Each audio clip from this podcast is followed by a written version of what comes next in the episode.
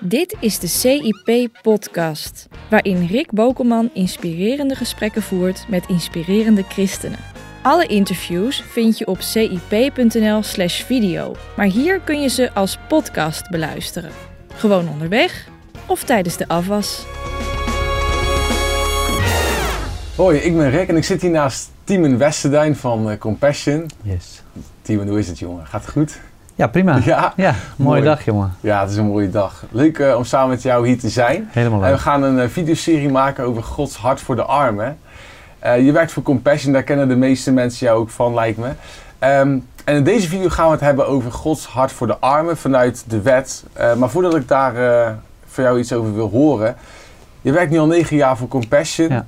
Ehm, Compassion zet zich in voor kinderen om die te bevrijden uit armoede in Jezus' naam. Dat betekent dat jij op de meest schrijnende plekken bent geweest op aarde waar de grootste armoede is. Wat heeft het eigenlijk met jou gedaan en hoe erg is dat eigenlijk, die armoede? Ja, jongen. Ik, eh, ik zeg wel eens van eh, in de afgelopen jaren zijn er een paar dingen met mij gebeurd. Ik denk ehm, in de eerste plaats is er eh, meer verdriet in mijn hart. Want nou, zoveel dingen gezi- gezien. Dus nou ja, als je dan bij het grafje staat van een kind waar je het jaar daarvoor nog mee gespeeld hebt. Of een moeder hoort die zichzelf verkoopt om haar, eh, haar gezin in leven te houden. Eh, en je moet daar ook weer weg zonder dat je het kunt fixen. Ja, Eh, want dat is in veel gevallen zo. Je kunt het niet fixen. Ehm, ja, er, staat, er zit wel een brok verdriet in mijn hart. Ik heb meer gehuild in de afgelopen jaren dan in al die jaren daarvoor. Dus dat is iets wat gebeurd is. Ehm, Meer verdriet. Het andere is dat ik niet alleen meer verdriet, maar ik ben ook meer van God gaan houden in de afgelopen jaren. maar Dus, je eh, zou juist ook heel erg boos kunnen worden om het onrecht wat je dan tegenkomt of het Ja. lijden. Nou ja, ergens is er ook boosheid, maar niet richting God. Maar wel boosheid richting onrecht. Gewoon de, dat waar ik zelf een deel van ben, dat, dat wat er om me heen gebeurt. Maar ehm, dat is niet wat, waar, waarvan ik, ja, wat, wat echt gegroeid is. Eh, maar wat wel gegroeid is, is, is mijn liefde voor God. Ik, eh, ik heb hem echt leren, op een nieuwe manier leren kennen. Dus dat is eh, aan de ene kant door wat ik gezien heb van geloof in die mensen. Die in extreme situaties een geloof hebben die, wat zo puur en zo vreugdevol is. Ja, waar ik eigenlijk alleen maar jaloers op kan worden. En aan de andere kant komt het door Gods woord. In de afgelopen jaren ben ik daar echt wel ingedoken. En eh, daarmee geworsteld van Heer, eh, ik, ik zie dit. Wie bent u? Wat zegt u erover? Ja, Nou, daar is ook een wereld open gegaan. En daar is God wel echt veel mooier geworden voor mij. Eh, dus naast verdriet heb ik meer liefde voor God. En als laatste heb ik ook, eh, ben ik ambitieuzer geworden dan ooit. hoezo Dus, eh, ambitieus hè? nou, het, la- het slaat me niet lam, maar ik zie dat er, dat er zoveel kan, zeg maar. Dat Gods koninkrijk zo krachtig is. En, en dat het iets is wat, wat doorgaat. God, God die heeft een hoopvol plan. Is Dus wat, wat deze wereld en deze bedeling overschrijdt, maar bij deze wereld wel beïnvloedt op dit moment. Dus Ja. ik wil me nu bezighouden met die dingen die blijven. Die eeuwigheidswaarde hebben. Die, Ja. die een onderdeel zijn van Gods koninkrijk. Waaronder dus de Bijbel natuurlijk. Als er Ja. iets eeuwigheidswaarde heeft voor ons christenen, is het toch de Bijbel, denk ik. Eh, je hebt heel veel geleerd, ook natuurlijk in die negen jaar, over armoede en wat de Bijbel daar eigenlijk over zegt. Ja. En in deze video ga je mij, maar ook natuurlijk iedereen die kijkt, vertellen over wat God vanuit de Bijbel eh, te vertellen heeft over armoede. ehm, vanuit de profeten. Eh, sorry, niet de profeten, de wet, daar zouden we mee beginnen. Daar beginnen we mee. Wat kan je nou echt als christen leren als het gaat om wat God zegt over de armen en zijn hart voor de armen vanuit de wet? Ja, een van de dingen die mij het meest verraste, want op een gegeven moment ging ik de Bijbel in. Ik dacht van nou, nu wil ik het weten. En eh, Ja. toen heb ik een aantal dagen geblokt en gewoon de Bijbel gaan induiken. En toen verbaasde het me hoeveel God erover spreekt. Over de armen, over onrecht. Gewoon, eigenlijk kun je de hele Bijbel door teksten vinden, nou, duizenden teksten. Die gaat over God en zijn hart voor de armen, dat het gebroken is. En zijn, zijn boosheid over onrecht en over religie, wat onrecht in stand houdt, zeg maar. Dus, dus Ehm, en nou ja, toen ben ik begonnen en eigenlijk begon ik bij de wet. Daar begint God te spreken over zorg dragen voor de armen. En eh, ja, dat is gelijk ook wel heel mooi. Ik, eh, wat mij betreft duiken we daar ook gelijk in. Ja, waarom dat, eh, niet? ja. Nou, de, wet de wet is als het ware ja, wat God Israël geeft. Israël, eh, God die gaat op pad met Israël. Israël is natuurlijk een gebroken volk. Hij, hij kiest een volk uit om zijn koninkrijk, om, om zichzelf als het ware aan de wereld te tonen. Hij heeft een plan voor de wereld en dat werkt hij uit, eerst via Abraham en nu via het volk Israël.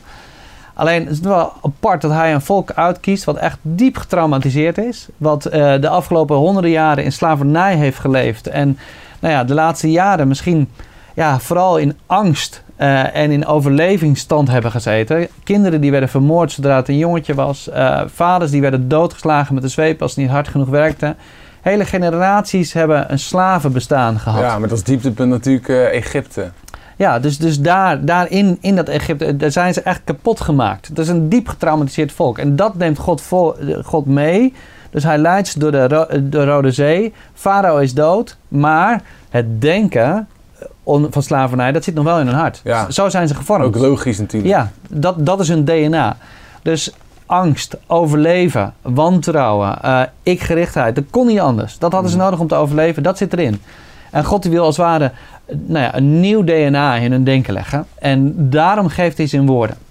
Dus hij wil niet zoals Farao dat ze in angst leven en dat er van hen gevraagd wordt wat ze eigenlijk niet kunnen geven. Maar hij zegt: Ik wil als een vader voor jullie zorgen en ik wil dat jullie in vreugde leven, onbezorgd zijn en genieten van dat wat ik geef. Dus dat is echt het tegenovergestelde Ja, van Farao. Dat is nogal een opdracht ook. Ja, geen angst en eh, moeten geven wat je niet hebt, maar vreugde en onbezorgdheid en genieten van dat wat je ontvangen hebt. Nou, dat wil God ze leren. En daar is eigenlijk die hele wet op bedoeld. Dus met de wet hebben we nog wel eens een wat, wat dubbele verhouding. Denk van, Ja. oh, daar moet zoveel. En, en- Moralistisch. ja, terwijl eigenlijk het, het, het... Kijk, dat weten we ook. Als het samengevat zou worden, als we het helemaal in elkaar drukken, de wet. Als, je, als Jezus gevraagd, wat is nou de kern? Ja. Nou, dan weet hij en dan haalt hij woorden die ook in de wetgeving zelf genoemd worden. Dan zegt hij, wat we hier willen regelen, wat God heeft willen regelen in de wet, is dat je hem lief hebt boven alles. Nou, dat is een heel mooi woord natuurlijk, liefhebben. Dus dat het gaat over passie, over echt uitzien, het Ja. genieten van hem. Dus, dus liefhebben van hem boven alles en je naaste als jezelf. En dat is eraan gelijk, dat zit eraan vast. Dat, dat is niet los verkrijgbaar. Nou, en dat, dat zit eigenlijk door die hele wet heen. Nou, en als je dan begint met, nou, als wij denken aan zorgdragen voor de armen, dan denken we vaak aan de tiende. Zeg maar, hè, ge- eh, Ja, nou ja, netjes geld geven. en dan is dat ook weer geregeld. Overmaken aan Ja, of iets anders. nou, dat is altijd goed.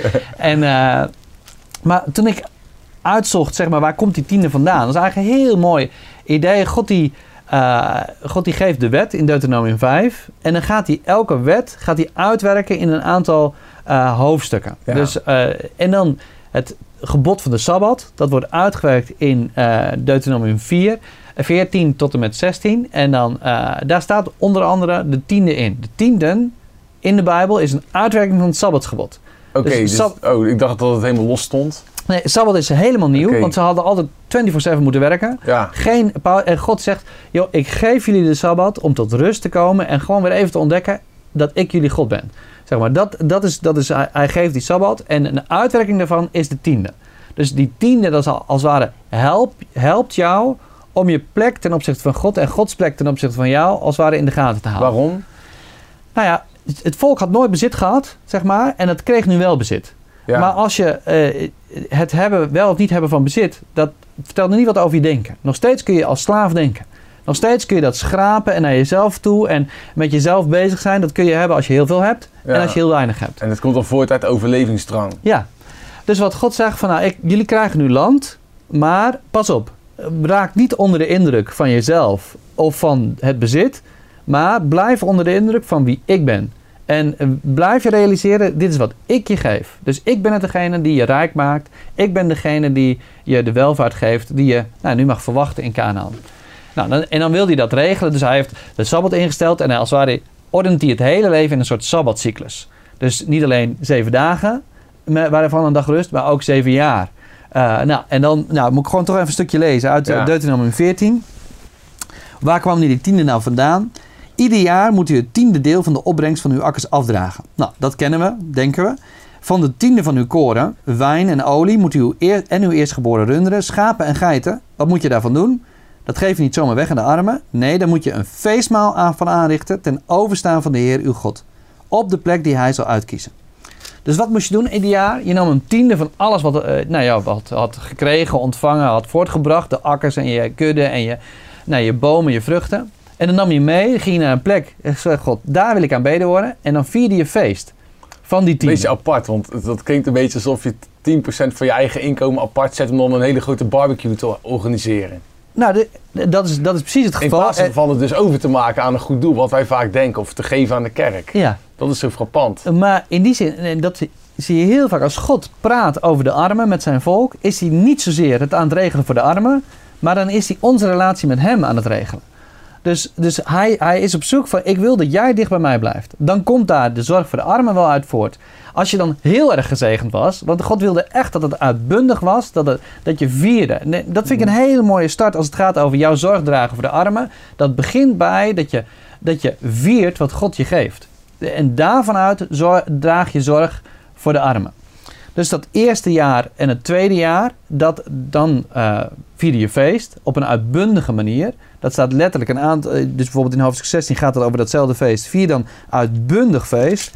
Ehm, zeven dagen lang moet u voor de Heer uw God feest vieren op de plaats van keuze. Vier uitbundig feest.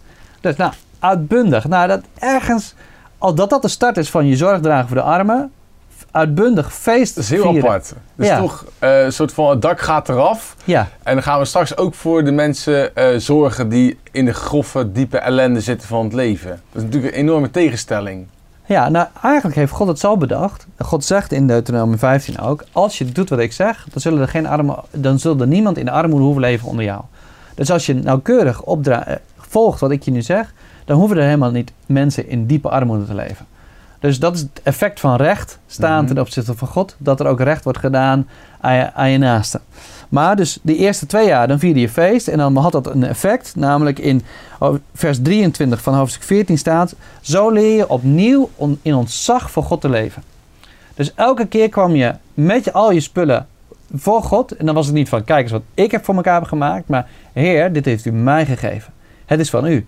Ik ontvang het. En dat is een hele andere houding eh, dan dat je zegt: Oh, ik heb het netjes gedaan.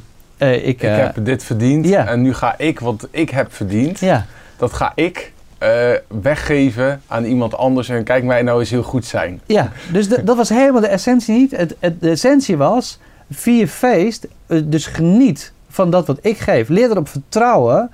Leer onbezorgd te zijn, want ik zorg voor jou. En als je weet dat ik voor jou zorg, kun jij voor een ander zorgen. Geef mij door, zegt God als het ware. Geef dat wat je van mij ontvangt, geef dat door aan de mensen met wie je leeft. Dus bijvoorbeeld elk derde jaar, want ook zo'n feest kan weer een gewoonte worden. Ja. En elk derde jaar mocht je je tiende van de opbrengst in zijn geheel afstaan en opslaan in de stad, in de stadspoorten.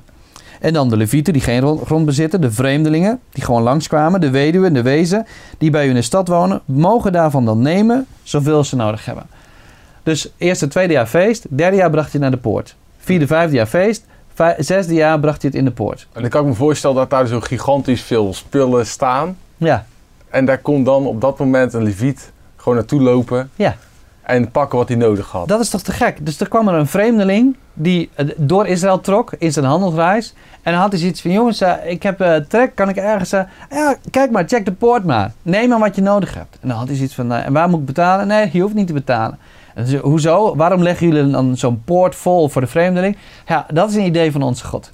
Eh, even, dus joh, geniet ervan. En eh, ja, we zijn gewoon enthousiast, want dit is, dit- zo is onze God. Dus ergens, ja, mag God herkend worden aan een stukje overvloed. Niet alleen voor de mensen, nou ja, voor henzelf, maar ook voor de mensen die het op dat moment niet zo breed hebben. Ja. Dus er was nooit iemand die tekort hoefde te hebben in Israël, want ze konden altijd uit die poort halen. Hey, en wat is nou hier de les van eh, voor een christen als, je, als team en Rick en degene die nu kijkt? Wat kunnen wij hier nou echt van leren? Of wat kunnen we hiervan toepassen in ons eigen leven? Nou, ik denk, hier wil God regelen dat we in eerste instantie, voordat we eh, wat dingen gaan doen, om, dat we onder de, vrolijk onder de indruk zijn van wat God geeft. Nou, heb jij, en, en God die, die geeft je als het ware tools in handen, eh waarvanuit je kunt, jezelf kunt herinneren, hé, hey, ik heb een God. Ik mag vrolijk zijn, want Hij zorgt voor mij. Dus ben je vrolijk onder de indruk van dat wat God geeft. Nou, en dan, al- dan, dan moet je hier maar gaan over nadenken. Dus wij hebben als gezin ook nagedacht van... Huh, ik heb geen akker meer. Of ik, eh, ik, die tiende, dat is wel geregeld door ons belastingstelsel, zeg maar. Dus we hebben wel een soort zorgsysteem. Ja, Maar het is uit mijn dagelijkse praktijk. ja het is eigenlijk je DNA misschien. Dus dat week, die week feestvieren, dat, dat voelde je met z'n allen. En dan zei je nog, ja, maar dit is wat God wil. ja. Eh, de, die poort, heel zichtbaar, dat, dat zag je met z'n allen. Dus ergens nou ja, heb ik er ook over nagedacht, hoe krijgen wij dat nou zichtbaar in ons gezin, in, in mijn leven? Dus wij hebben nu bijvoorbeeld hebben we op zondagmiddag hebben we altijd knabbel en babbel. Nou, dat is niet echt een bijbelse term. Knabbel en babbel. Ja, Gezellig. zo hebben we het genoemd, genoemd, want dan zijn alle schermpjes weg enzovoort. Maar dan zondagsmiddags gooien we de tafel vol. Dus, en dan, dan zeggen we, uh, want God zorgt voor ons. Dus dan staat er te veel op tafel. Ook uh, gewoon echt lekkere dingen. Heel veel te knabbelen. Heel veel te knabbelen. En we babbelen dan ook. Dus dan geen schermpjes. Even aandacht voor elkaar. En dan, nou ja, soms gaat het over uh, de laatste televisieaflevering die we gezien hebben. Maar soms gaat het over, hé, hey, uh, waarom doen we dit ook alweer? Dus, en naast dat hebben we dan, dus we genieten ervan. En uh, sinds die tijd komen er met regelmaat vriendjes en vriendinnetjes op zondagmiddag bij ons aan. Want ja, het is wel heel, heel leuk. En dat is wel heel gaaf om dan hen ook te kunnen zeggen van ja, het is een beetje een ideetje van onze God. Dat we vrolijk onder de indruk mogen zijn van wat hij geeft. Maar we hebben ook nagedacht over dat derde jaar. Ja. En hoe geef je dat nou door? Dus nu hebben we een potje in onze kast staan. Daar zit een paar honderd euro in. Uh, en we hebben tegen de kinderen gezegd van jongens, zodra je iemand ziet waarvan je denkt, hm, ik kan, ik, dit is leuk, ik kan even wat weggeven. Doe dat en Ja. schrijf dan even op een briefje en stop dat erin. Dus, zodra, dus we willen heel graag dat onze kinderen de vreugde van geven als een onderdeel van Ja, het vieren, dat ze dat leren kennen. Ja, en eigenlijk hebben we daar geen tijd meer voor, maar ik ga het toch vragen.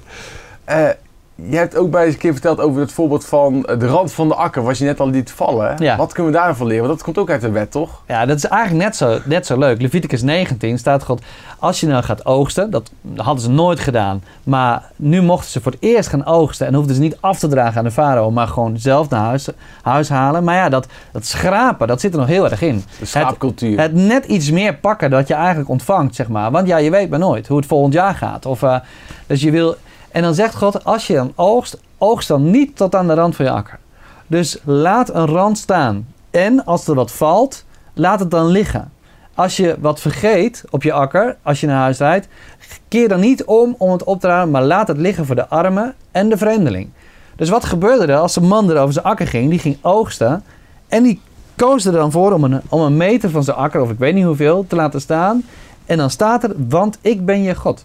Dus als het ware, als hij ging oogsten, dan bedwong hij zichzelf om niet nog eens even wat breder, of misschien zelfs een stukje van de buurman mee te halen, maar gewoon een rand van zijn eigen akker te laten staan, want hij is mijn God. Hij zorgt voor mij en ik mag dit laten staan als zorg voor de armen. Dus dan, dan gingen ze naar huis, hadden ze geoogst. Dan stonden overal randen van de akkers nog over. Dus echt een soort teken van overvloed. En dan konden de armen of de vreemdeling die langskwam, En die wisten gewoon, daar mag je Ja. van pakken. mocht je van pakken en oogsten zoveel als je nodig had. Het zijn wel echt gigantische principes, hè? Ja, prachtig. Dus, ook eh, omdat in onze cultuur ook niet echt gebruikelijk is om te zeggen als boer van hé, laten we even eh, een dikke rand staan op het maisveld. Of bij, als je aardbeien teler bent, laten we eens even heel veel aardbeien staan, laten we die gewoon naar, naar de voedselbank brengen. nee, ja, de, nou, de Iedereen voedselbank- gaat toch voor winstmaximalisatie, of dat doe ik zelf denk ik Ja. ook, van hé, wij spreken iedere euro die ik binnenkrijg, als ik niet oppas, ga ik dat ook maximaal eh, in mezelf investeren, in mijn gezin. En God zegt, jongen, je hebt het niet nodig. Ja. Dus, eh, en God houdt niet van schrapers. Want dat betekent dat je ergens hem niet vertrouwt. Dus God houdt, God houdt van ontvangers en, en, dat je, en doorgevers. Dus dat je dat laat staan. Dus nou, bijvoorbeeld bij dit soort onderdeeltje, ja, wij hebben geen akker meer thuis. Dus we dachten van, hoe doen wij dat dan? Van hoe kunnen wij zoiets, want het zijn hele mooie principes, net wat Ja. je zegt. En, en ik wil dat gewoon mezelf en mijn kinderen blijven zeggen. Ik wil ook dat momentje van, want hij is mijn God. Gewoon, maar ik, ik schrijf, dus toen dachten wij van, hoe kunnen wij dat doen? Toen dachten we, nou, weet je wat, als wij een eh, drank hebben uit een staatsschatfles, dus drinken Ja. uit een staatsschatfles, dat is altijd een teken van overvloed, want je kunt ook water drinken. Dus, Uit de kraan, zeker. Ja, nou ja, geen fles, iets geen wat uit een staatsschatfles is, is eigenlijk altijd overvloed, niet wat je nodig hebt. Dus dachten we, nou, als we dat hebben, dan eh, kun je tegenwoordig steeds vaker kiezen uit doneren of eh, uitkeren. En je weet van, nou, 2,75 is wel weer een zak chips en een sausje, bij wijze van spreken. En dan kost het altijd even moeite om dan doneren. Ja, Daarvoor te kiezen, en zeker dus als je het- feestje hebt. Ja, dus je voelt een soort dilemma. Als je dan je kratje bier eronderin zet en je denkt, kak, dit is wel 6 euro of weet Ja. ik veel wat dit is. Maar in ieder geval, en dan hebben we nu afgesproken als gezin van we douwen gewoon altijd op de doneerknop. En dus elke keer voel je het even, maar gewoon even voor onszelf, want hij is onze God. Ja. Gewoon, wij hebben, wij hebben het goed en dus gaat dit naar Nairobi. Of dus gaat dit naar de voedselbank. Nou, te gek. Nou, wat, wat inspirerend, Tiemen. En eh, mooi om te horen over het knabbelen en babbelen. En over hoe God een God is van overvloed. En hoe we daaruit van, eh, daarvanuit mogen leven. Geweldig. Nou, bedankt voor deze video. Ja. Ehm, en mocht je meer willen zien, want het is echt een prachtig thema, kijk dan vooral alle video's. En wil je echt concreet iets doen, dan kun je de lessen in praktijk brengen die Timo net heeft gedeeld. Of steun een eh, goed doel als Compassion. Doei! Je luisterde naar de CIP-podcast. Heb je wat gehad aan deze podcast? Laat dan een recensie achter in iTunes. Of steun CIP.nl door CIP Plus lid te worden op onze website.